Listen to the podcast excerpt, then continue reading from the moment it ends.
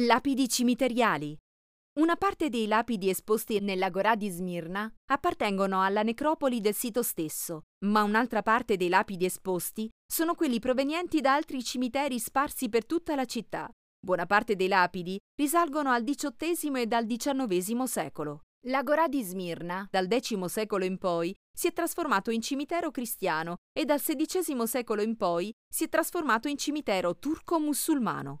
La tradizione di sepoltura all'Agorà di Smirna venne abbandonata con la Repubblica. Sull'ala nord-est dell'autosilo del cimitero, con la formazione di un'area di sepoltura nel XIX secolo, con tempo la località ha preso il nome di Mezarlik Besi, inizio cimitero.